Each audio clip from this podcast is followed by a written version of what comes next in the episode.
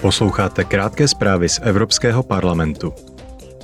Ve Štrasburku vedli europoslanci rozpravu o deportacích a přesunech ukrajinských dětí do Ruské federace. Jednali také o příkazu k zatčení ruského prezidenta Vladimíra Putina, který vydal Mezinárodní trestní soud.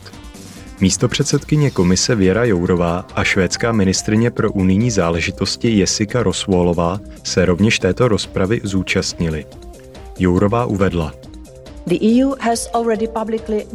Unie již veřejně prohlásila, že příkazy k zatčení Vladimíra Putina a Marie Lvovové Bělovové vzala na vědomí.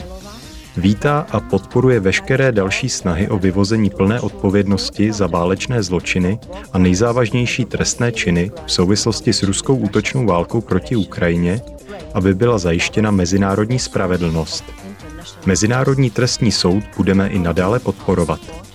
International Criminal Court. Při samostatné večerní debatě poslanci diskutovali o represích, které probíhají v Rusku. Projednali případy Vladimira Kary Murzy a Alexeje Navalného, kteří jsou oba v Rusku vězněni. Na závěr této debaty se dnes večer bude hlasovat o příslušném usnesení. Lucemburský premiér Xavier Bettel včera na plenární schůzi představil svou vizi pro budoucnost Evropy. Ve svém projevu zdůraznil, jaký význam má pro Evropu otevřenost a jednota a pronesl tato slova. Naše jednota je zároveň naší silou. Evropská unie nebude nikdy silnější než jen jako unie.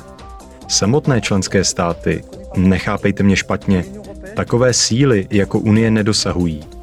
Nesmíme naše občany znovu zklamat a musíme dostat výzvám, které jsou před námi. Ať už se jedná o právní stát, ochranu klimatu nebo podporu Ukrajině, musíme dostat této ochotě utvářet společnou věc.